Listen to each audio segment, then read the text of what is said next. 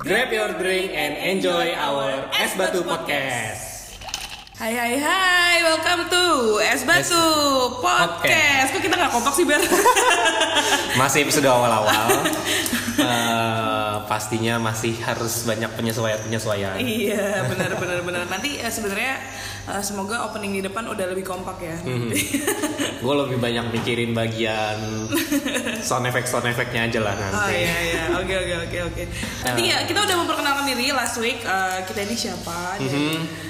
Ini podcastnya tentang apa? Jadi es batu itu mungkin bisa diucapin lagi Ber. Apa nih artinya? Es Biar orang-orang yang baru pertama kali dengar Oke, kayak- es batu tuh singkatan ya. Ya betul. Sekolah dan Balada hidup balada hidup. dan tuman-tuman lainnya. Oke, berarti dannya satu doang, salah gua. Mohon maaf nih kita emang gak akrab ya Iya. kebetulan. Ketahuan siapa yang bikin singkatannya. Oke, jadi episode pertama ini kita bakal ngomong apa, Dil? Episode pertama ini kita bakal lebih jatuhnya ke cerita kali ya. Mhm. Cerita gimana sih dulu kita akhirnya memutuskan untuk eh, mau sekolah lagi dan gimana cara daftarnya dan prosesnya dan preparationnya. Iya. Mungkin eh, bisa ngebantuin teman-teman juga biar em, bisa punya arahan kali ya kalau misalnya mau eh, kuliah ke luar negeri tuh harus gimana sih kira-kira? Oke. Ini sebelum kita ngobrol lebih jauh, eh, ter- terlebih dulu kita minta maaf dulu nih karena keterbatasan tempat dan waktu ya. Eh, kita ini ini ceritanya eh, pakai natural effect gitu. Oke. Jadi kayak kalau dengar suara cuci-cuit gitu Ada motor. ada ada ting ting ting ting. Nah, itu kita emang lagi di rumah kebetulan. Eh, jadi kebetulan lagi wabah corona juga tempat yang Iya. biasa kita pakai jadinya lagi sedang dibersihkan. dibersihkan. Eh, jadi kita ya udahlah, kita harus kreatif gitu kan. Udahlah terima aja pokoknya. Agak maksa ya. Oke, jadi dari lu dulu apa dari gua dulu nih? Buat- Dari dulu dulu deh. dari gua dulu. Lu Padahal sekolahnya paling- lu duluan.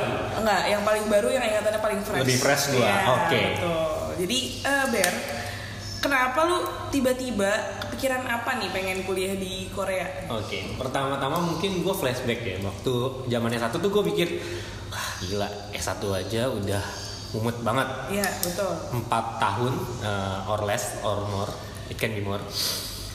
Gue udah mumet banget tuh pas S1.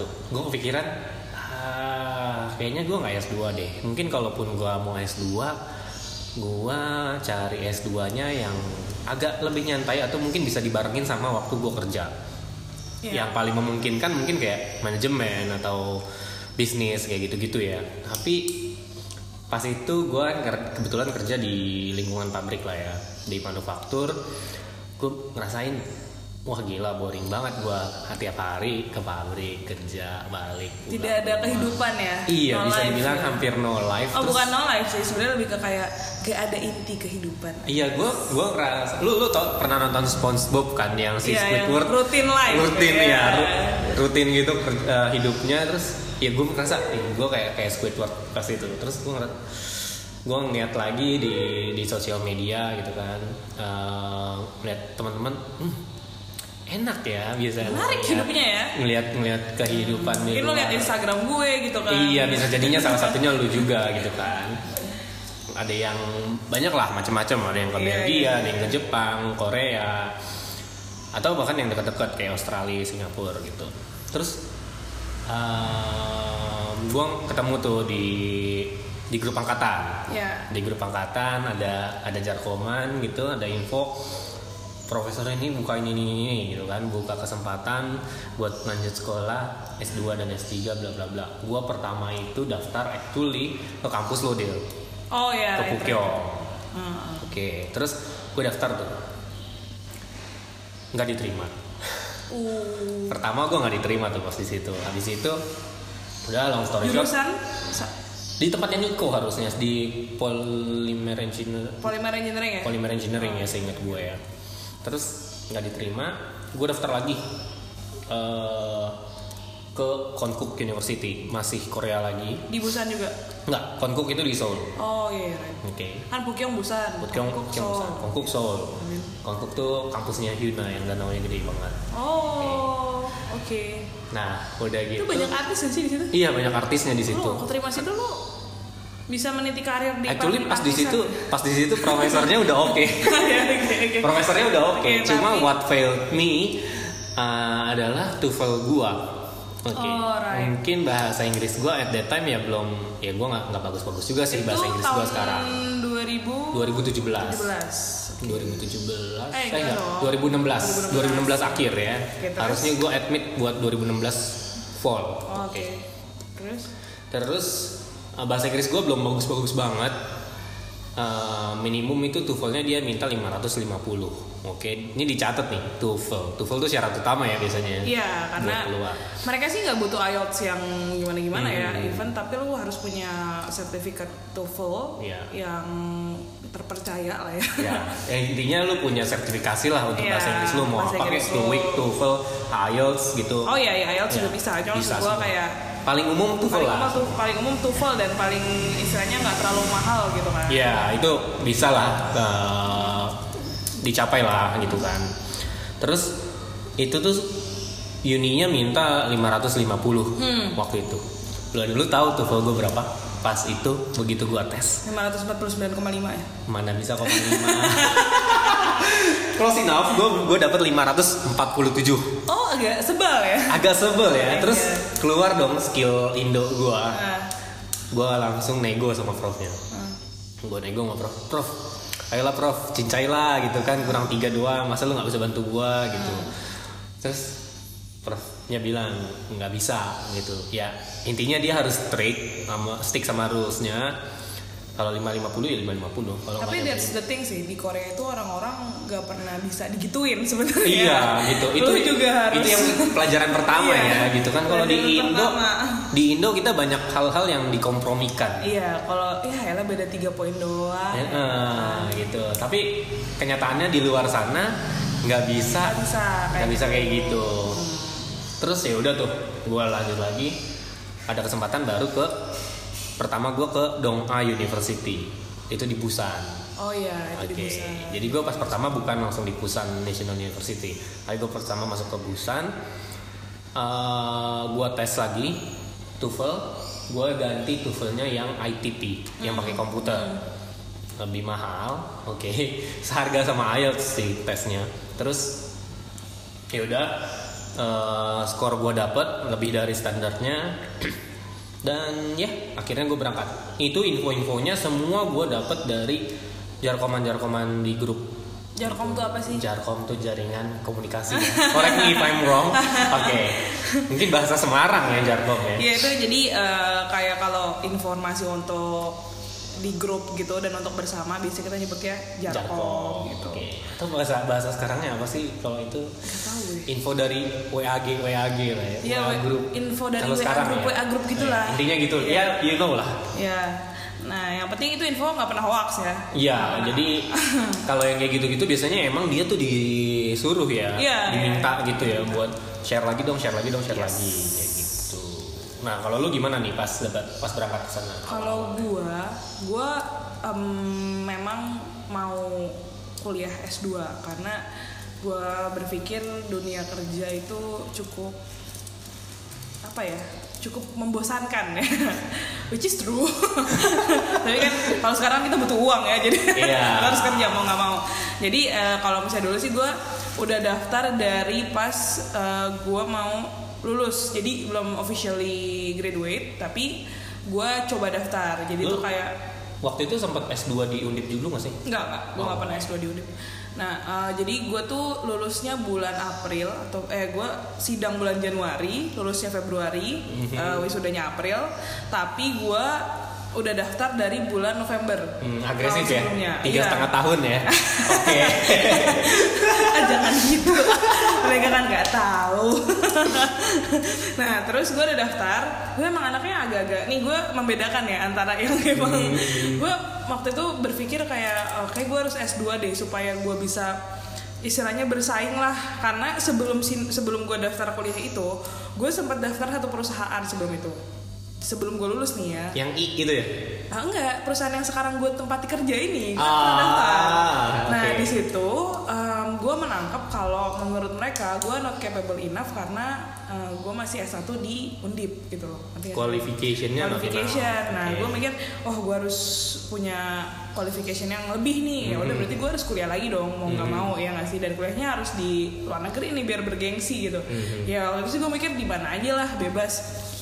Nah, the thing is di kampus gue itu di teknik kimia undip, em, kakak kelas yang kuliah ke Korea itu cukup banyak ya kan Ber. Hmm. Jadi kita sering dapat informasi em, soal scholarship soal apa sih namanya soal beasiswa dan lain-lain itu dari mereka jadi dari mereka yang udah lebih dulu di sana Mhm. tapi waktu itu pas bulan November itu eh, gue belum mendapat informasi apa pun soal itu Nggak ada yang Nggak- tersedia. nggak ada yang tersedia jadi akhirnya gue sangat karena sangat ambis anaknya waktu itu ya Ambi ya? ambi anaknya jadi kayak gue nanya kakak kelas gue yang ada di sana That's why menurut gue link sama kakak kelas tuh penting karena Hmm. Kalau lu punya link yang baik, mereka bakal mau bantuin lu nyari informasi. Iyalah kalau kalau lu nggak nggak kenal sama kakak kelas lu terus lu tahu-tahu minta sama dia info Ini Pak, nih ya. info gini-gini. Life dia mikir- lesson ya. Dia mikir nggak sih kayak gini?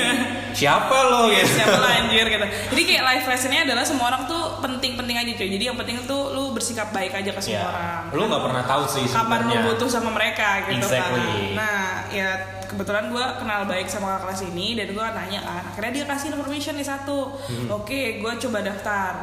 Em, mereka minta sama, minta TOEFL juga, minta GPA gue berapa. Mereka nanya gue lulusnya kapan dan lain-lain.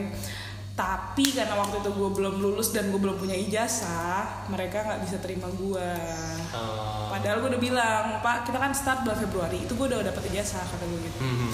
Tapi kata mereka, oh nggak bisa nih eh, keputusan eh, kampus harus ada ijazahnya dulu. Oh karena mereka kan emang seleksi administratifnya di Iya, depan ya depan, duluan dan agak duluan. maju gitu ya. Iya, jadi tadi ya udah ada nih dua nih, TOEFL sama ijazah lo. Hmm. Nah, jadi gue daftar, gue daftar, gue udah sempet email-emailan sama profesornya, profesornya juga udah reply nicely juga Hmm. dan pas dia nanya soal gue lulusnya kapan itu sih. Jadi menurut gue kayak lu juga ketika daftar harus di waktu yang tepat juga sih. Iya, ber- berarti lu harus siap-siap. Iya. So, by the time opportunity-nya datang, Heeh. itu klop gitu ya. Karena emang ya. mereka butuhnya secepat itu, cuy. Iya, iya, gua akuin cepet Iya, banget. cepet banget gitu. Express punya. Iya, akhirnya ya ya udah karena akhirnya gue lulus dan akhirnya gue harus kerja anyway karena gue nggak mungkin dong cuma diem-diem doang. Mm-mm. di- Tahu-tahu lu di rumah dibilang ngapain lu sono kerja lu? Iya, gitu, Habisin nasi lu. Lo, bisa habisin makanan gitu kan. Iya, ya udah.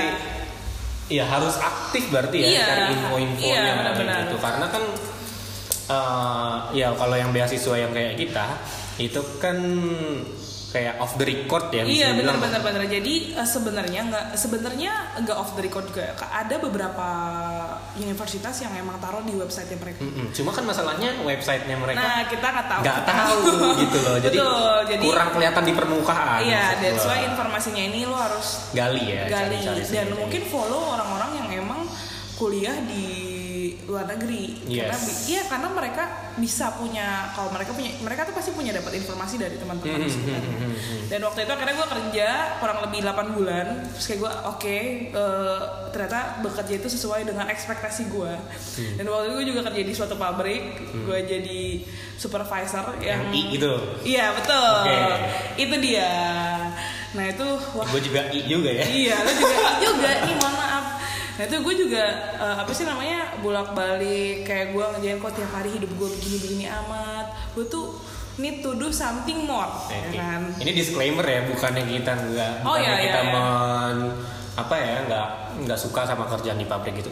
Somehow it doesn't fit us aja. iya betul kayak mungkin em, waktu gue milih jurusan teknik kimia itu gue pertimbangannya lebih banyak 90% dari nyokap gue kan Hmm, Oke. Iya, jadi kalau buat teman-teman ada yang kerjanya di pabrik nggak masalah. nggak masalah gitu. Kalau emang kalau kalian emang suka enjoy di sana iya, nggak masalah. iya. Kita bukannya mandang sebelah bukan. Eh, ini kan maksudnya eh, mungkin orang eh, namanya kerja kan nyari yang enjoy ya. ya punya fitnya masing-masing. Iya, lah. at that time gue ngerasa gue nggak enjoy karena rutinitasnya sama dan mungkin gue nggak bisa um, apa ya innovate Iya. lebih. Karena basically di sana kan kita udah punya ah, jadi bahas kerjaan ya. SOP ya, sedikit Iya, aja, sedikit. aja Eh, basically lu di pabrik tuh punya SOP udah punya rules. Jadi ketika lo mau innovate sesuatu eh, lo harus combine sama rules rules yang ada di perusahaan itu. Mhm, Jadi itu kalau- menurut gua a bit challenging aja sih kalau Iya. misalnya. Apa Sus- ya, agak susah ya? Susah gitu, ya mungkin lebih kaku Iya, intinya akhirnya pada suatu sore kambuh lagi tuh keinginan gue pengen, ah gue harus nih gue harus ke kuliah ke luar negeri Ah, gitu kan. ah, ah. Kambuh, akhirnya gue nyari lagi informasi. Nanya kakak kelas gue, gue buka website beberapa kampus yang gue tahu, Hmm. Eh, kayak Ihwa, maksud gue. Ihwa Oke, Day. itu Ihwa Women University Iya, adanya di Seoul gue buka Seoul University juga. itu yang yang kampusnya sangat Yang- Instagramable oh, iya. ya Itu orang-orang oh, ke sana khusus buat foto di tangganya doang. iya gue juga bingung. mungkin mungkin lo nggak tahu itu di Ihwa tapi ya lo kalau googling tempat itu namanya Ihwa University Ihwa Iya. Women University Iya, itu terkenal banget di Seoul. Jadi kayak semua orang pasti ingin mencari apa sih namanya kalau mau foto-foto di kampus yang bagus karena di Korea itu kampusnya bagus-bagus ya. iya gua ininya. kampusnya itu Eh, sangat lingkungannya itu sangat kampus able gitu. intinya. Instagramable lah Iya. lu lu foto-foto di kampus-kampus doang itu feed Udah Instagram kayak lu wisata, oke iya. lah.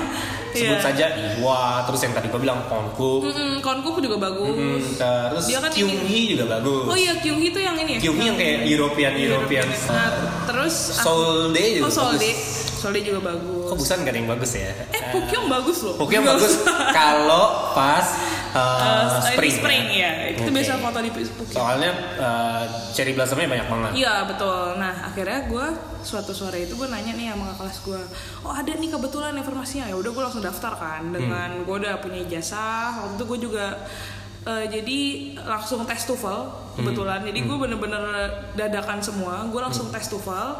eh, terus gue kirim semua dokumen gue ke si profesor. Jadi di sana itu ketika lu pengen daftar beasiswa, ini tuh namanya sebenarnya bukan beasiswa dari pemerintah gitu, enggak. Tapi ini namanya research research funding. Jadi lu dapat beasiswa dari research funding.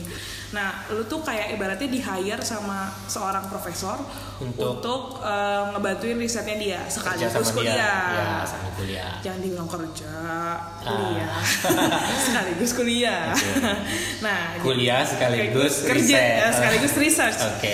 Nah gitu, jadi gue email profesornya, ya of course harus. eh, tapi maksud gue ketika lo email profesornya lo nggak perlu pakai bahasa Korea ya, of Nggak, course nggak. pakai bahasa Inggris. Mostly 80%, 90% bahkan profesor Iya. di sana Ngomongnya bisa pakai lah bahasa bahasa Inggris. Inggris ya. Hmm, benar. At least written ya. Kalau nanti pas speakingnya dia bahasa Inggrisnya kayak gimana ya itu ba- balik lagi ke individu profesornya. Bisa Iya. jadi ada yang hancur, ada yang bagus banget, ada. Ada, benar-benar.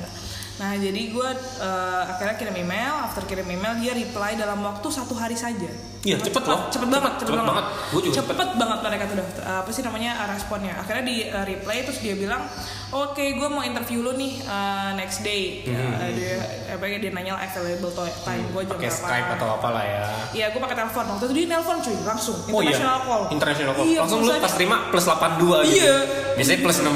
Iya, dia plus 82 gitu kan. Pulsanya banyak kayaknya gue juga gak paham sih. Terus udah gitu akhirnya dia telepon ngobrol-ngobrol dia nanya-nanya. Dia sih sebenarnya nanya-nanya intinya lo ngerti nggak bidang yang mau lo research? Mhm, gitu. mhm. Dia mau mau lihat lah ya, lu, lu seberapa jauh sih gitu. jadi before that before that nih tips lagi gue eh, masuk ke websitenya dia Hmm. gue cek dia penelitiannya apa aja Mhm. jadi at least ketika gue ngobrol sama dia gue nggak bego-bego amat Hmm, nggak kopong-kopong Iya, banget ya. Ya, tapi, lu punya gua- basic lah. Iya, tapi gue admit, gue bilang gue nggak tahu ini tentang apa. Tapi gue tahu lo bahas ini ini ini ini dan menurut gue itu research yang menarik. Mhm. Uh, dan gue punya basic di chemical engineering ya gitulah. Ya, Gua long story short, ujung-ujungnya lu masih tertarik nggak sama riset lu? Ya kalau masih tertarik gue nggak balik dong. Oke, lanjut. Tapi keinginan gue untuk kuliah di luar negeri itu sangat besar. Jadi gue apa pun ham, apa sih hadangannya, gua, Hambatannya. hambatannya gue berangkat gue pokoknya. Oke. Nah, akhirnya udah di interview terus dia bilang oke besok gue reply email lu ya lu keterima apa enggak tadi Hmm, gitu kan. Besokannya dia langsung reply dan gue keterima. Terus kayak As simple as that as ya. simple as that. Kayak bingung sih ini kenapa gampang banget gak? Iya. Gue kayaknya daftar S1 lebih susah loh daripada daftar S2. kayak Ampun.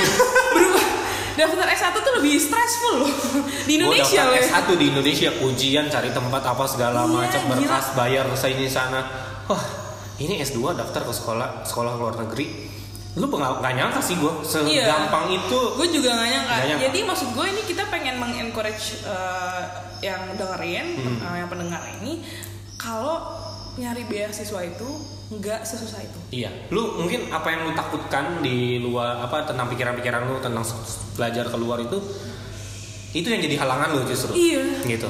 Dan ketika lu udah mulai melangkah, lu udah coba cari tahu kayak kita Hmm. gitu, terus lu mulai lakuin, ternyata pas Usaha lo tuh iya.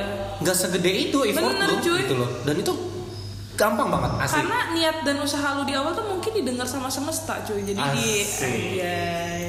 Jadi dibantuin gitu, dibukakan jalannya, diketemukan dengan profesor yang emang eh, istilahnya bener-bener nyari dan butuh dalam waktu cepat gitu. Kalau wise man says tuh when there is a will, there is a way. Eh, Oke. gue tadi mau ngomong gitu tapi gue takut kepleset gitu, jadi keren. Oke. Nah, Coba kita bisa sum up nggak? sama sama ya. Oke. Presenta eh apa persyaratan persyaratannya apa aja sih berarti? Jadi Oke, persyaratannya yang jelas TOEFL. Per- ya lu lulus dari jenjang yang sebelumnya dulu Iya. lah ya. Jadi Oh iya misalkan dong, S1 lu mau ya. S1 keluar, ya lu lulus SMA dulu lah. Iya. Lu mau S2 ya lu lulus S1 dulu. Iya, betul betul jangan Atau lu mau S2 lagi, lu lulus setelah S2 bisa juga. Bisa juga. Karena teman gua ada yang kayak gitu. Dia S2 dua kali. Eh, agak ini ya. Dua-duanya di Korea. Wow, kalau orang kebanyakan waktu tuh kadang. Ya, ya punya jalan masing-masing. Iya, iya, iya, iya. Oke, oke. Terus Terus eh, apa sih namanya? Tadi kan paspor ya, paspor. Jadi kan- lu punya dulu lah. sertifikasi Hmm. bahasa Inggris, TOEFL, IELTS, whatever. Tapi mungkin lu mau ngasih tahu dulu minimalnya berapa? Sekarang di ini sih 550 ya? 550 itu waktu kita ya. Waktu kita. Waktu kita. Ta- Itu kan karena kalau gue lihat Eh btw gue 520 kok nggak apa-apa. Iya, itu balik lagi ke Profesornya ini, sih. ke apa namanya peraturan dari universitasnya juga. Kembali lagi ke profesor dan kampusnya sih. Hmm. Apa namanya? Kalau sekarang mungkin kebutuhan mereka sama bahasa Inggris itu udah jauh lebih tinggi. Yes. Jadi Korea itu emang lagi gencar-gencarnya ya menggelar riset, menggelontorkan dana riset kayak iya, gitu. Mungkin sekarang Korea udah lebih tinggi kalau gue bilang ya. Zaman kita sih mungkin 520, 52, 550 itu masih oke. Kalau sekarang mungkin bisa jadi lebih dari itu loh. Gue kurang tahu angka pastinya. Benar, benar. Jadi apa yang bisa lo persiapin selama S1 lo mungkin uh, make your English better ya. Iya. Ya, kayak As good as possible lah. Iya betul. Ya lu dapet 600 lebih bagus, lebih aman gitu. 600 sih aman lah. Aman lah. Aman, gitu. Tapi kalau a little tips from me ya, kalau lu lu ngerasa bahasa Inggris lu masih agak-agak kurang lah gitu. Tapi ya nggak apa-apa, lu beraniin aja dulu tes. Sekarang tuh banyak lembaga-lembaga tes yang ya mungkin nggak official ya, tapi dia bisa ngeluarin hasil tes lu cepet instan dalam Iya, satu benar, hari. benar, gue nggak mau promo, gue nggak perlu sebutin, lu cari sendiri. Oke. Dalam satu hari dan maksudnya ketika lo fail tuh bisa tes lagi Iya. gitu loh. Atau mungkin yang coba online online Iya, benar, tes benar. gitu kan juga ada. bisa Dan juga sebenarnya uh, even gimana pun hasil TOEFL lu, profesor lu pasti pengen denger how you communicate with, with him Hmm. Iya, gitu. gitu. In English kan. Maksudnya jadi uh, pasti lu bakal pas interview kayak pas gue itu, Hmm. dia bakal ngeliat apakah kemampuan berbahasa Inggris gue itu bisa nyambung sama dia. dia intinya mau ngeliat ya kalau lu ngobrol sama dia tuh bisa nyambung, Nyambung gak sih? sih? Karena- Jangan cuman iya. sampai sana lu cuma bisa yes no yes no doang. Iya gitu karena communicationnya di dia di kita tuh penting banget karena cuma bahasa Inggris doang Iya. yang bisa mempersatukan kita. Oh, United jangan jangan all. berpikir lu bisa nonton drama Korea tiap hari terus bahasa Korea lu jadi bagus. Enggak.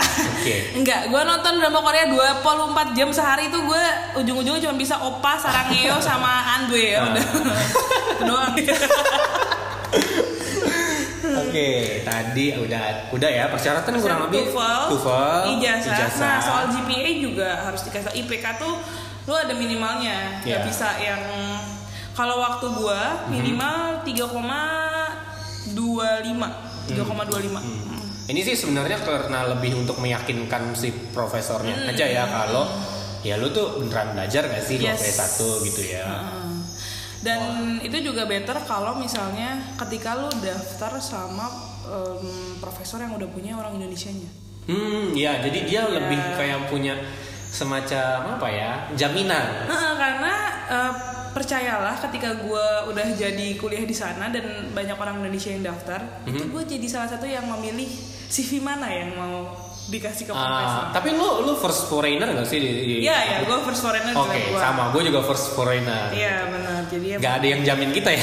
Gak ada kita yang jamin hanya Tuhan justru kita ya, justru kita menjamin orang. Iya, kita menjamin orang. Jadi maksudnya gue tips gue ketika lu bisa nemuin lab yang bisa ada orang Indonesia-nya tuh better gitu. Hmm, Maksud gue. Nah gitu tadi ijazah, eh, TOEFL sama oh, udah sih yang lainnya basic. Iya pak, standar sih kayak paspor gitu kan lu mau Paspor, keluar iya, negeri ya lu harus ada paspor lah. harus punya gitu. Iya. ngomong apa? Jadi persyaratannya balik Oh, lagi ya. oke. Lu lihat lu lihat itu ya apa? Pasti eh, yang istilahnya tuh primary-nya nih ya, tiga primary utama tuh sebenarnya adalah TOEFL. Sertifikasi bahasa. Ya, TOEFL atau sertifikasi bahasa Inggris. Terus ijazah lu Hmm. sama IPK lu at least em, tiga lah ya. Tiga menurut gue masih. Ya, kita nggak bilang nggak bilang angkanya spesifik berapa, Iya. cuman itu nanti tugas kalian lah untuk mencari tahu lagi eh, angka tepatnya yang diminta itu berapa standarnya. Sama Standarnya. paspor.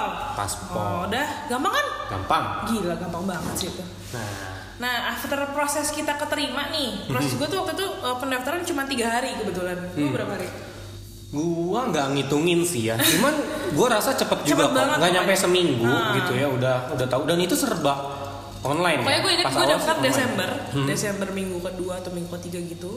Terus gue itu masuk spring, berarti Hmm. Februari akhir. Februari akhir. Itu masih winter sih, cuman maksudnya udah mau spring. They say it is spring. Iya, tapi dingin mampus. nah, udah gitu mungkin apa ya yang lo lakukan setelah Oke, gue dapat acceptance letter nih. Terus gue harus apa gitu. LOA udah di tangan ya. LOA udah di tangan, letter of acceptance ya. Admittance. Ya itulah pokoknya LOA. Nanti maaf ya, aku emang anaknya suka nggak tahu gitu. Aku pokoknya LOA aja. Oke, LOA ini. Letter of admittance ya. Admittance. Ya, nah itu. Jadi itu kayak surat pernyataan kalau lu udah keterima di universitas itu. Ya, Jadi- itu LOA ada dua ya, ada dua jenis. Yang pertama namanya conditional, yang kedua unconditional. Mhm. Maksudnya kalau yang conditional lu diterima tapi dengan kondisi tertentu. Misal, lu diterima dengan kondisi katakanlah oh uh, TOEFL lu belum keluar. Hmm. Gitu. Atau ada ada satu artinya ada persyaratan lu yang harus lu penuhin lagi. Hmm. Itu itu conditional. Jadi lu bisa diterima kalau kondisi itu sudah terpenuhi Yes. atau yang udah yang tadi condition unconditional berarti semua persyaratan udah lu penuhin dan lu udah official diterima tinggal lu lanjutin prosesnya aja Oke. what's next sih kan ngurus What's next? visa Itu ya, ngurus visa tuh suatu milestone yang sangat berat sekali. buat gua yang nggak pernah ngurus visa keluar Iya. negeri karena paling taunya kan keluar negeri ya Singapura gitu kan tinggal berangkat nggak pakai visa Iya. Dan maksudnya ketika kita bikin visa tourism sama visa buat student yang Itu udah beda. Beda. Dan itu Beda. persyaratannya wah lebih banyak gitu Mhm. kan. persyaratannya walaupun lebih banyak tapi satu yang lu harus ingat kemungkinan berhasilnya lebih gede Ya, benar-benar. gitu karena yang menjaminnya sekolah, beda ya, yang kita menjamin. kita punya urusan buat ke sana beda Jadi ketika lo bikin visa, lo tuh harus punya seseorang yang menjamin lo ketika lo ke sana. Hmm. Nah, ketika lo jadi student, yang menjamin lo adalah profesor, profesor lo. atau universitas atau universitas lo yang which sudah punya duit sendiri gitu kan karena yang ngejamin lo juga harus punya duit nih Hmm. Ya. jangan sampai ntar lo luntang lantung di Simpelnya negara gitu orang di Iya. negara-negara maju ketika dia menerima imigran ya foreigner dari luar negeri masuk ke negaranya dia dia nggak mau foreigner ini jadi istilahnya gembel di negaranya mereka Eh, harus ada yang menjamin lo Iya, menjamin lo. Sebenarnya eh, dokumen-dokumen visa itu yang dibutuhin apa aja itu udah lengkap banget di kedutaan masing-masing. Mhm, Jadi benar. mereka udah ngejelasin, oh gue butuh dokumen A, B, C, D, E. Dan biasanya lo nanti akan berhubungan sama notaris jauh-jauh, juga. notaris ya notaris terus rumah sakit Oh iya, rumah sakit karena eh, tanda mecek eh check, check, med sorry. check kesehatan lo Med juga. terus eh, Notaris itu buat ini ya, eh, buat memastikan dokumen lo asli. iya Nah, jadi kayak ada tanda tangan. melegalisir lah Iya, intinya. legalisir, Tapi iya. lo- kalau lu selama ini tahunya legalisir itu cuma dari kampus. Tapi eh, kalau di dunia umum legalisir itu jatuhnya harus pakai notaris. notaris. karena dia yang bisa ngebuktiin kalau dokumen lu tuh terdaftar di negara Mhm. cuy gitu kan Nih ini ada satu lagi nih yang mungkin nggak semuanya pakai tapi bisa jadi ada yang butuh juga. Jadi nggak semua dokumen-dokumen yang tadi kita udah sebutin di awal, misal sertifikat lu atau kartu keluarga lu gitu-gitu, itu terbit dengan bahasa Inggris. Ada yang banyak terbit dengan bahasa Indonesia, sehingga lu harus mentranslate dokumen lu. Itu lu jangan sampai lupa. iya benar Nah. Eh, jadi emang ini agak-agak yang emang ribet ya makanya tricky ya di sini dan lu lu harus pakai uh, jasa penerjemah tersumpah. oh iya betul Ya, itu Jadi- maksudnya intinya ya dia yang official lah buat translate translate itu. Bener. Walaupun gue yakin lu mau berangkat ke luar negeri, lu mau translate translate kayak gitu-gitu sendiri Juga bisa. Cuman kan lu siapa? Iya. lu nggak bisa ngeluarin Jangan capnya. ide ya.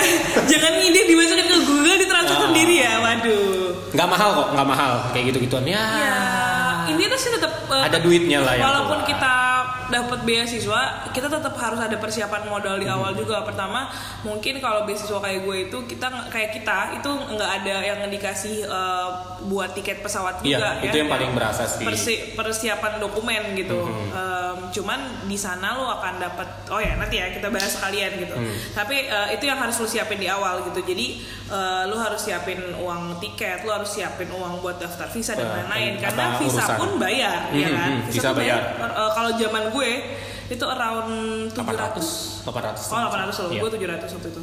Nah jadi eh, dia nanti eh, prosesnya itu memakan waktu sampai sebulan, dua minggu sampai sebulan.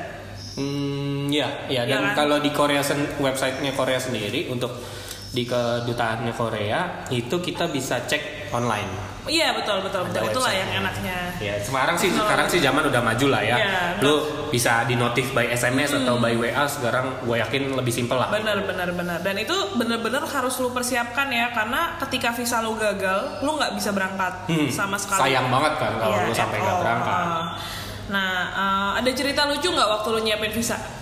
Waktu gua nyiapin visa sih, uh, gua ketemu sama yang sama-sama daftar buat visa pelajar juga gitu. Iya. Terus jadinya enak tuh. Oh, kita iya, iya. apa dari loket ini ke loket ini, Iya, iya, iya, terus iya. dokumennya apa, uh, fotonya kayak gimana gitu kan? Itu ya nggak tau lah lebih gampang jadinya Iya, iya, karena iya, iya. ada yang barengan sama lu. Enak sih kalau kayak gitu. Hmm. Kalau gue dulu bikin visa itu kinap cuy, panik gue. Jadi gue tuh kan keterima Desember ya, Hmm. terus kayak Desember akhir lah keterima. Hmm, hmm. LOA gue keluar Januari middle, Ya. ya kan? Jadi kayak dan gue harus berangkat tanggal 23 Februari inget banget gue. Hmm. Itu nggak ada sebulan dari gue mau berangkat. Dan lu kerja gak sih Dan gue kerja, Oke, right? sama. gue kerja waktu itu. Jadi, nah gue menyerahkan semua proses visa gue ke nyokap gue Hmm, nyokap lu yang ngurusin. nyokap gue yang ngurusin pokoknya semua dokumen ada di dia lah gitu kan terus uh, gue hamin seminggu gue berangkat itu gue baru resign baru officially resign Hmm, tapi lu pre-notif ke ada proyek. Iya iya udah udah. Pas gue udah dapet LOE, gue langsung kasih ke bos gue karena kan harus ha- one man notice kan. Hmm. Nah terus akhirnya gue res- eh, baru resign. Itu gue inget banget gue berangkat tanggal 23 Februari hari Senin. Selama seminggu sebelum itu visa gue belum jadi cuy. Dan itu masih butuh dokumen dari profesor gue. Hmm, Jadi kayak profesor gue dan di Korea bulan Februari lagi lunar. Ah, oh iya, kalau di lagi Indo lunar tuh New Year. Imlek ya, Iya, Imlek. Imlek. Dan itu kayak wah, gue kayak wah Libur iya, panjang tuh di Nah, Korea. tadi makanya kata gue bilang lu harus nyiapin at least sebulan sebelum karena gue udah beli tiket dan lain-lain dan lain-lain justru Hmm. gitu kan. Akhirnya eh, dibantuin dokumennya sama profesor gue, gue juga maksudnya aktif tetap kayak ngabarin dia, Prof, gue butuh dokumen A, B, C, D, E gitu kan. Asetnya. Resep gitu kan. Terus waktu itu tuh dia kayak minta eh, rekening korannya profesor gua yang asli. Maksudnya bukan yang asli ya, kayak punyanya dia pribadi. Kalau itu kan dia ngasih kayak punya perusahaan kan. Nah, dia butuh yang as- eh, punya pri- punya dia pribadi gitu. Aset lo ada berapa gitu kan. Terus sudah gitu eh, hari Jumat itu masih diproses. Hari Senin, gue berangkat hari Senin jam 11 malam. Hari Senin pagi Visa lu baru diterima. Visa gua baru jadi. baru di jadi. baru jadi Gila, gila habis. gila itu, Itu gila banget, parah. jadi gue datang ke kedutaan eh, Korea yang ada di Jakarta Hmm. yang ada di Kuningan tuh itu gue udah bawa koper cuy. Kayak gue kayak lo nggak mau ngasih gue nih makan koper gue lo, lo udah udah kayak ini ya udah kayak apa tuh yang kompetisi-kompetisi mencari bakat ya? Iya gue udah kayak eh, bodo amat pokoknya lo harus ngeluarin ngeluarin visa gue saat ini juga gitu Oh gila sih, tapi itu juga problemnya adalah karena mereka kadang ngasih infonya tuh agak lama gitu. Jadi kayak eh, eh dokumen gue kurang apa sih? Nah itu kalau kita nggak aktif nanya, eh, mereka juga nggak bakal ngasih tau lu gitu si bangkai ini. Eh sorry, bangkai. mungkin karena apa ya? karena kita daftarnya pas spring kali ya gitu emang gua gua ngerasain juga sih gua mungkin gak se gua segila Nadila gitu sampai semepet mepet itu cuman gua ngerasain mepet juga itu tek tek teknya dan gue juga kerja juga kalau gue beda gue pakai hak cuti gue buat kalau gue kan kerja udah lebih lama daripada lu Iya Gua masalahnya gue nggak punya coy. Gue Nah, kan kayak baru tiga bulan cuti. lulus probation terus kayak eh cuti gue nggak ada. nih." Nah, kalau gue udah ada cuti dan gue pakai cuti gue buat ngurus gitu-gituan. Dan ya emang ribet gitu, cuman jalanin aja, ntar pasti ketemulah jalannya. Iya tapi itu juga. maksudnya jadi cerita lucu buat gue sih sampai sekarang Hmm. karena gue em, apa ya nggak nyangka aja gitu se ya lu ketika prepare sesuatu tuh pasti ada aja ada aja deh kayak lu mau berangkat nih ke belahan dunia lain yang Hmm. lu nggak tahu di sana ada siapa tiba-tiba visa lu lah apa jadi tuh gue nggak fokus berpisah sama keluarga gue gue fokusnya adalah gimana nih visa gue biar gue bisa berangkat gitu Nggak, berarti nggak ada tuh ya yang namanya lu nyiapin abon lah, rendang kering Kagak lah, gitu ada. ada. Nyokap gue nyiapin sih kayak beberapa kayak Indomie dan lain-lain. Aha. Maksud gue kayak gue nggak ada apa ya kayak ada perpisahan sama Indonesia tuh kayak eh gue bakal di sana nih dua tahun gitu. Iya. kayak nggak ada gitu. Kayak gue ya udah gue kayak aja visa gue nah pas visa gue udah jadi baru gue kayak ya gue udah mau berangkat nih ke luar negeri anjing Hmm. waktu gue bersama keluarga gue tinggal sebentar lagi. Dan itu flash banget gak sih? Cepet banget Flash gitu. karena seminggu lu kan tadinya juga kerja gue kerja juga waktu itu di Karawang. Jadi kayak gue juga nggak pulang ke rumah gitu kan. Jadi kayak cuman seminggu di rumah terus tiba-tiba gue berangkat gitu. Lu seminggu tau-tau udah packing koper gitu. iya kenapa gue packing cover gitu gitu lah ya tapi abis itu akhirnya ya kita harus berangkat juga ya. Mungkin ya visa udah pegang, visa udah dipegang. Tiket juga udah. jalan naik eh, di pesawat gue nggak bisa tidur cuy. Padahal gue berangkat jam 12 malam. Gila, gue gue flight pagi sih waktu itu kalau gue. gue nggak bisa tidur. Saking gue eh, excited anxious dan takut Ya, bercampur jadi ya, satu campur aduk ya, campur aduk. di jadi gue sampai jam 6 pagi tuh gue belum tidur aja gitu gue kayak senyum senyum senyum senyum Hmm. terus akhirnya turun ke bandara begitu keluar kok dingin ya agak Eh, sebelumnya masih 35. 35 gitu kan Nyampe Kayak, sana tahu-tahu udah 10. Dua, oh, dua. Dan lu pikir lu pikir jaket lu yang cukup tebal itu sudah cukup untuk melindungi lu? ternyata tidak Ternyata tidak. tuh kayak ibarat kata tuh kayak tulang gue juga ikut merinding iya, gua pun emang Korea dingin banget sih. Dingin pas banget gua tuh, pertama kali ke sana. nah jadi untuk menghindari kayak gitu-gitu apa sih yang harus lo prepare nih Mhm. Lo harus cari tahu sih gitu kan tentang negara yang lu kunjungin gitu kan yang akan lu kunjungin tuh negaranya nanti seperti apa keadaannya gitu. Jangan jangan sampai oh lu udah udah siapin baju dingin, gue udah bawa padding apa segala macem. Eh nggak taunya jangan ngomong kalau lu ternyata kuliahnya let's say ke Mesir, ya kan nggak kepake gitu ya. iya iya maksud gue at Jadi- ketika lo nyampe pada season apa Season apa? Iya. Apa yang lu butuhin pas lu di Iya. sana gitu. Dan duit juga lu harus pegang iya. duit sana gitu ya. Kayak gua itu gua akuin gua pegang duit sana pas nyampe ke Korea gua mepet. Eh gue nuker duit di bandara cuy Gua nuker duit sempat ke ini sih.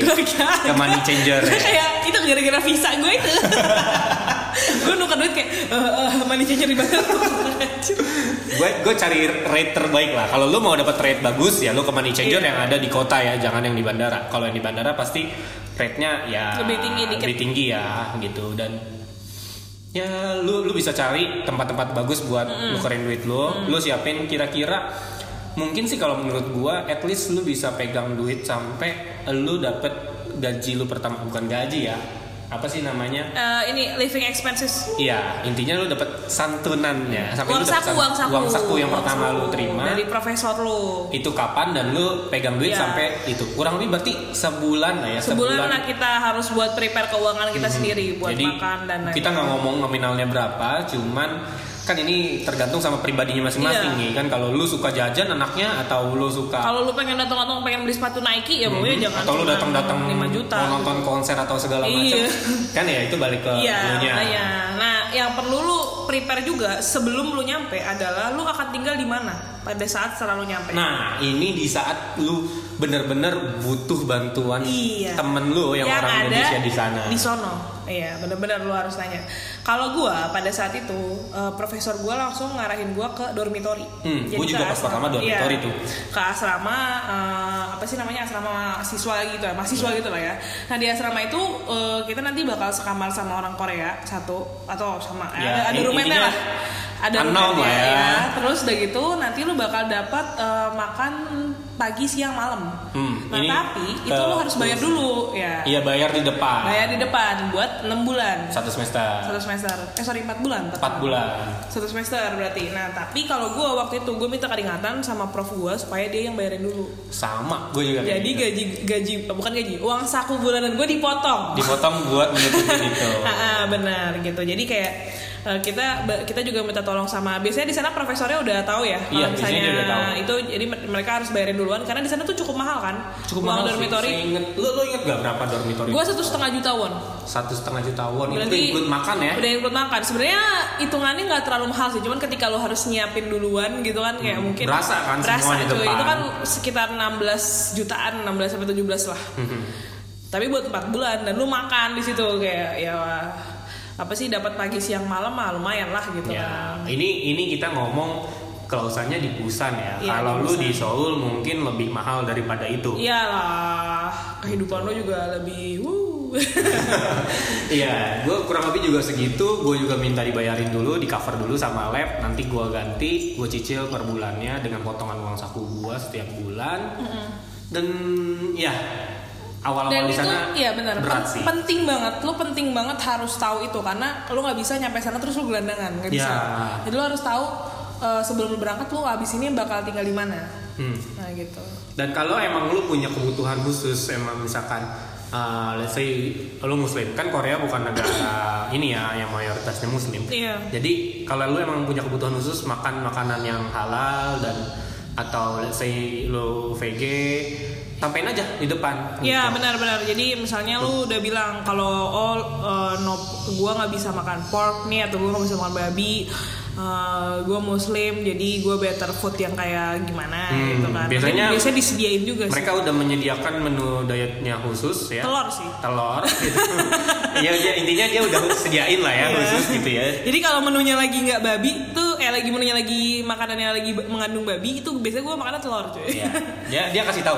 Jadi di sana tuh udah udah diatur lah gitu. Nih, Itu dan diatur. ini menurut pengalaman bodoh gue lagi nih ya. Selain visa itu ya, visa itu gue punya pengalaman bodoh lainnya. nih. Gimana? Ketika gue nyampe sana, gue kan naik Korean Air waktu itu. Oke. Nah, Korean Air itu gue bilang dari Jakarta sampai Busan.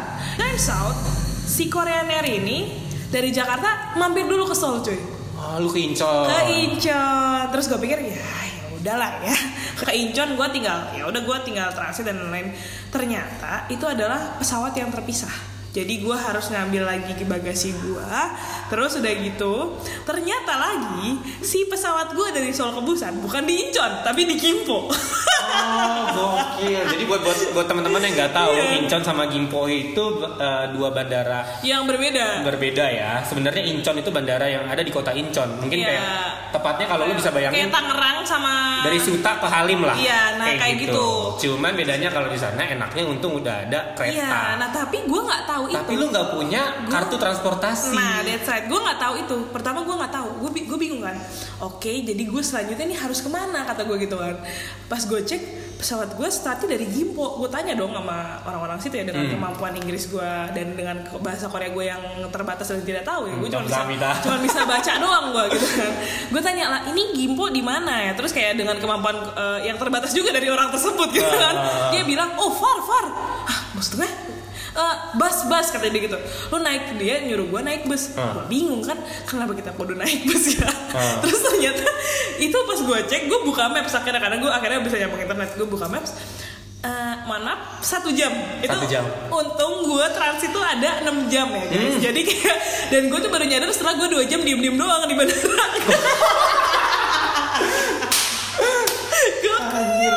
Berarti lu cuma punya waktu kurang dari 4 jam ya? kurang berarti dari harusnya. 4 jam buat ke bandara Gimpo yang gue Cari jalan sendiri. Nah akhirnya gue datang ke tempat bus gitu dengan keadaan panik. Eh kayak gue harus ke Gimpo nih gimana ya caranya kayak oke lo naik bus kita aja dan ternyata itu adalah luxury bus. Oleh. Berarti gue kayak ya? bayar kurang lebih around 40 ribu apa 40 ribu 40.000 won. won. dari Incheon ke Gimpo cuy itu bisa nyampe busan cuy. Harusnya lu bayar 40 ribuan lu udah bisa nyampe busan naik bus Iya. langsung. Bulak balik gak sih? iya. Gila.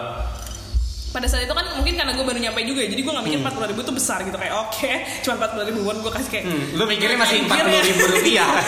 itu lima ratus ribu gitu kan kayak cuma kayak gitu doang tapi busnya bagus sih cuy Hmm. kayak hangat gitu kan gue kedinginan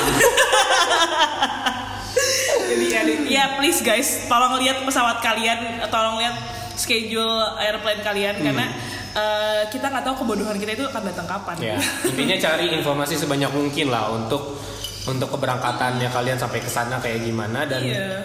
begitu sampai di sana kalian harus bagaimana itu juga kalian Iya, harus right, cari right. tahu Hmm, gitu. Jadi kayak lo nyampe bandara Incheon nih, oke, gue atau nyampe bandara Busan ya. Hmm. Busan tuh apa bandaranya? Eh, Gim eh Gimhae. Gimhae ya. Itu lo harus ke mana gitu, harus eh, kunjungin siapa, harus ketemu siapa karena Hmm. gue preparation gue juga ketika gue nyampe bandara Busan itu gue dijemput sama siapa gue udah tahu gitu. Gue Hmm. siapa yang jemput gue tuh gue udah tahu. Karena lo nggak akan tahu cuy jalan dari Gimhae ke ke kampus lo gimana. Iya, dan lu nggak tahu kan biasanya kan bandara tuh punya their own librarian gitu. Maksudnya Iya. kayak ini tempat yang asing lu baru pertama kali nyampe ke situ dan lu Pengen nggak tahu harus ke mana. Iya. apalagi ditambah dengan ini bahasa papan petunjuknya bahasanya kan ya hurufnya Iya. beda ya gitu. Ya, lu ini yang paling sering ditanya juga nih. Iya. oh ya iya kan paling sering ditanyain gitu. Kak kak lu ke Korea udah bisa belajar udah bisa bahasa Korea nggak sih? Gitu. Belum. belum. Tapi gue bisa baca.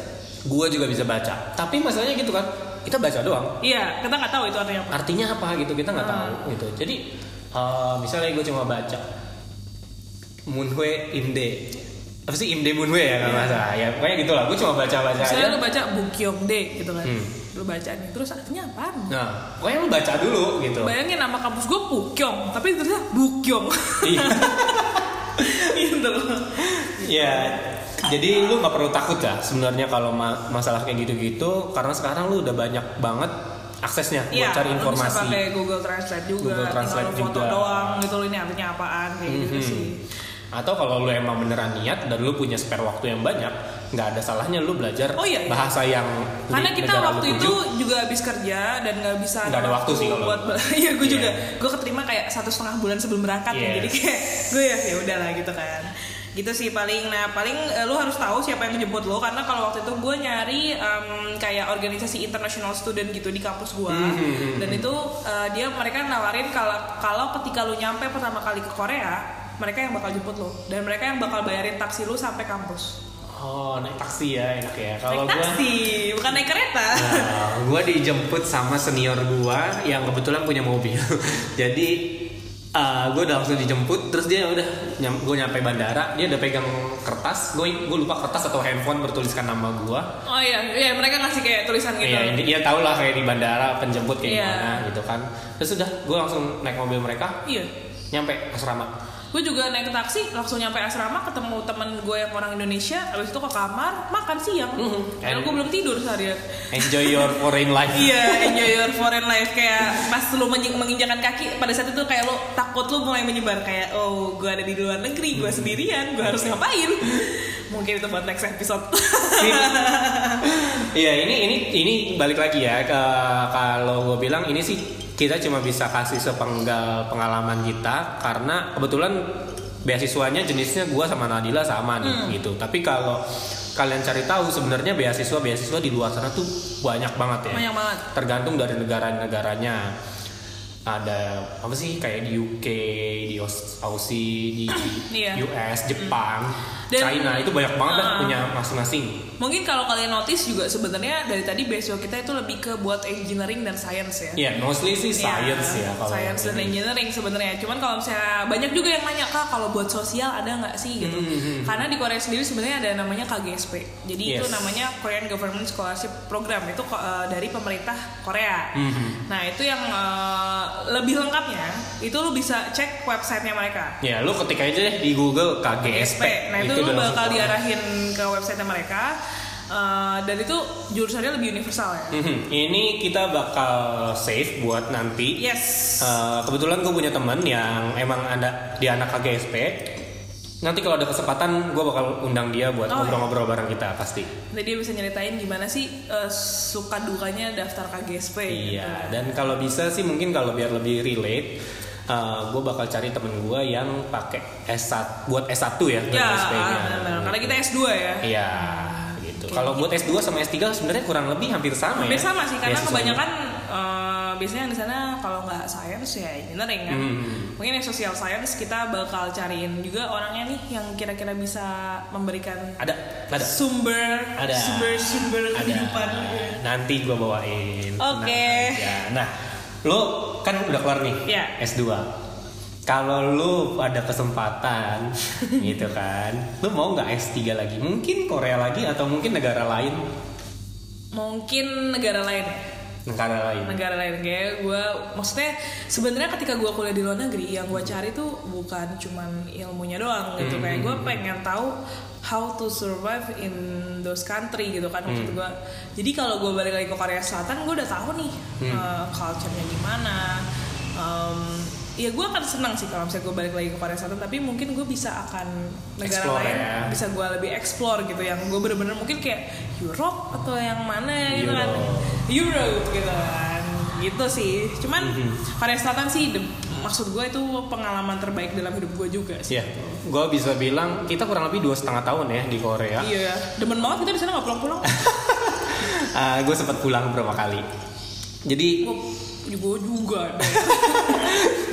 nggak maksud gue gini dua setengah tahun kita habisin kurang lebih di sana itu bisa dibilang dua setengah tahun yang nggak terlupakan Iya. pasti gitu dan persiapan sebelum dua setengah tahun itu juga ya kita banyak Hmm. banyak gejolaknya naik turunnya dan nggak gampang cuman dan selama dua setengah tahun itu kita nggak terus-terusan pengen tinggal di sana sih. Kadang kita pengen pulang juga ya. Hmm. kayak udahlah gue nyerah aja gitu. Tapi ya what keeps us going sih ya mungkin objektif lo di awal yang ketika yes. lo set sih. Lu apa ya namanya? Gue gue lupa. Correct me if I'm wrong ya kalau bahasa Inggrisnya itu grit ya. Grit tuh iya benar. kayak patience sama res- res- resilience jadi satu Iya, jadi kayak dorongan dari hati lu, Yes, uh, niat lah intinya lu iya, niat. niat gitu. Kalau lu emang beneran niat dari awal, apa yang lu udah set di awal, lu sekolah ke luar negeri itu lu mau ngapain sih gitu Iya, kan? Lu harus bener-bener niatin itu yang bakal tetap bikin lu konsisten Iya. selama di sana. karena walaupun sebenarnya semua orang sering nanya ke gue ya misalnya mereka eh, selalu nanya kenapa sih lu pengen kuliah di luar negeri gitu kan Mhm. jawaban gue kayak selalu ya gue pengen jajan lah gitu Ah. kan tapi tujuan gue nggak pernah nggak pernah itu maksud Iya. tujuan gue adalah gue mau belajar eh, kehi- cara hidup cara survive di tempat orang dan gue mau dapat gelar itu Yes, kayak yang gue bilang sebelumnya kan. Nah. Gue bilang pas, pas ditanya sama orang, Ya, ditanya sama orang, gue kan ini jalan-jalan jalan-jalan berkedok sekolah gitu kan, berkedok kuliah. Tapi itu kan cuma di mulut gue gitu kan ya. Tapi di dalam di dalam hati gue, dalam pikiran gue yang gue set adalah ya gue harus dapetin sesuatu. Dan gue Yes. setuju banget sama yang Nadila bilang tadi kalau gue ke sana sekolah itu gue nggak cuman mau dapet gelarnya doang Gelarnya doang. itu nomor dua sebenarnya Nah, menurut gua gelar itu ya dapat nggak dapat oh ya bukan yang nggak masalah ya maksudnya masalah sih bukan prioritas gitu iya Iya. itu nomor duanya gitu Bukan nomor prioritas. satunya adalah lu pengalaman pengalaman, lu belajar hidup dan lu lebih mengenal diri lu sendiri gitu. benar kayak lu biasa hidup di let's say lu hidup di Jakarta atau kota besar lainnya di Indonesia lu hidup di luar negeri Hmm, beda cuy. beda coy gitu Isti- istilahnya sih ketika lo mau ngambil kuliah ke luar negeri tuh lu ber- berhasil untuk keluar dari comfort zone lu gitu. Hmm.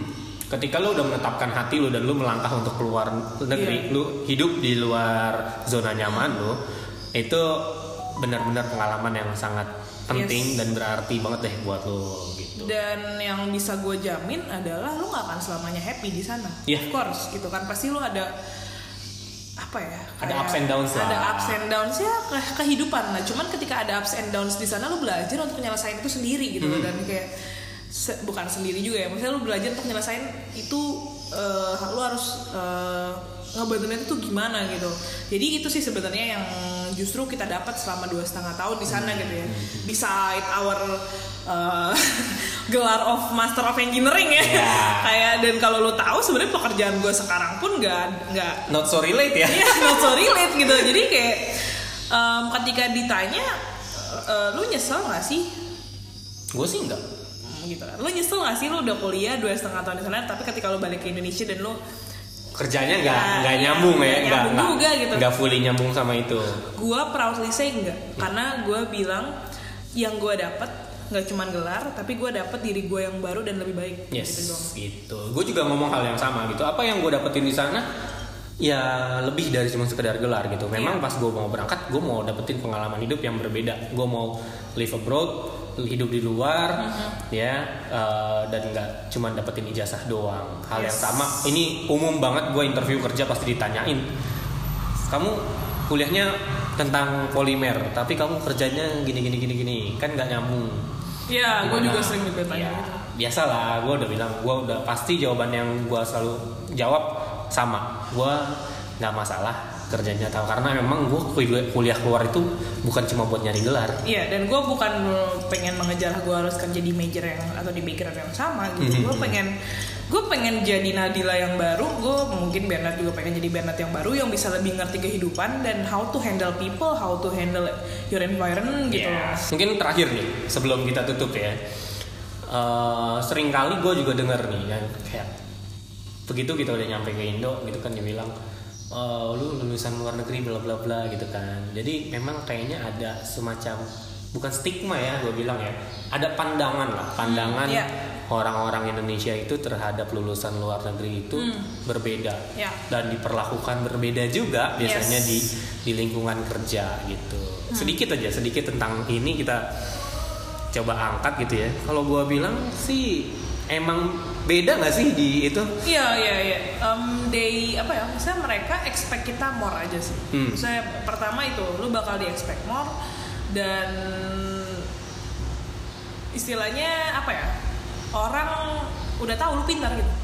Hmm, karena lu berbeda Iya, kan, karena gitu. loh si Nadila atau si Bernard jurusan mana nih gitu? Jurusan Korea gitu. Eh apa Lulusan lulusan Korea. Korea. Lulusan, lulusan Korea gitu. Jadi maksud gua eh, dan itu true karena HR gue sendiri sempat ngomong gitu. Kalau misalnya kayak eh, ya perusahaan kita emang nyari lulusan luar negeri gitu. Hmm, Tadi nggak sih lo? Jadi Hmm, kayak habitnya ya. habitnya gitu. Dan kayak mereka tuh nggak peduli jurusan lu apa. Yang penting lu lulusan luar negeri. Hmm. kenapa? Karena mereka tahu orang yang lulusan luar negeri apalagi beasiswa mereka tahu kehidupan cuy. Struggle-nya kayak struggle-nya gimana, gimana? Dan mereka butuh orang-orang dewasa atau orang-orang mature yang kayak gitu yang bisa uh, keep up sama company mereka gitu. Ya, gila. Gua gua nggak bisa bilang apa-apa lagi sih. Soalnya ya yang lu udah sampaikan tadi udah udah sum up most of everything ya. Dan kalau itu paling penting tuh emang habit gitu. Ya negeri. habit sih habit. Gitu. Habit lu ngikutin apalagi misalnya emang negara-negara yang disiplinarinya tinggi ya Hmm, Kayak Jadi emang kalau lo bisa Jepang, lo gitu. bisa milih ya, semisal lo bisa milih, carilah beasiswa ke negara-negara yang memang udah working habitnya atau life habitnya Iya. itu bagus ya gitu. Jadi lo bisa jadi suatu percontohan. Yes, dan maksudnya lu nggak akan apa ya, nggak akan Rugi. protes dengan dan ya dan nggak akan rugi, of course Ah. gitu. Even waktu di sana mungkin lu kayak ah kenapa sih gua Ah, kerja pasti kayak susah gini?" nih, susah kan. pasti. Tapi maksudnya ketika lu balik ke sini kayak easy aja, easy peasy gitu. Ketika lu balik ke Indonesia dan lu kerja di perusahaan yang Hmm. ada di Indonesia kayak ya gue dulu pernah lebih parah sih Iya, gitu. iya, iya. itu sih habit yang lo bawa gitu kayak kalau sekarang tuh mungkin gue sebel banget sama orang yang kalau misalnya janjian terus telatnya tuh sampai sejam gitu. Mhm. karena gue telat 5 menit aja di Korea gue nggak boleh masuk lab gue gitu. Nggak boleh masuk lab gue sama profesor gue jadi kita terbiasa ketika kita janjian jam segitu ya lu Ya, datang jam segitu. Kalau nggak bisa lu ngomong gitu. Jangan kayak eh eh gue eh di mana lo oh gue masih gue udah di OTW. jalan nih otw padahal baru mandi Iya. gitu kan agak-agak Ya, hal-hal yang simpel-simpel ya, kayak seperti gitu lah, itulah. simpel itu lah gitu jadi itu sih habit yang kita bawa sekarang Hmm, gitu ke sini gue nggak bilang dengan lo harus jadi orang yang eh, lo bakal jadi orang yang lebih baik dengan lo kuliah di luar negeri Enggak, belum tapi tentu sih. itu belum tentu tergantung orangnya Tergantung dari individunya lagi. yes tapi it helps Kalau memang lu to itu bisa itu helps gitu kalau memang kesempatan itu lu bisa manfaatkan untuk Iya. memperbaiki diri lu menjadi pribadi yang lebih baik, kenapa enggak? yes dan itu sih yang ketika lo justru malah nggak berubah berarti lo yang rugi gitu kan Hmm, sayang banget kalau Iya, menurut gua kesempatan kayak gitu, gitu. dilewatin gitu aja. Gila, Banyak hal yang lo lagi? bisa pelajarin Iya. dari lu sekolah di luar negeri. kapan lagi lo kuliah dua setengah tahun lo belajar tentang kehidupan tuh cuma pada saat itu doang Iya. masa-masa emas Wenden Oke, sampai sa- sampai di situ aja episode kita kali Iya, ini. karena kayak kita udah panjang banget. Panjang banget ya. Ini kayak baru bahas satu satu materi ini gitu.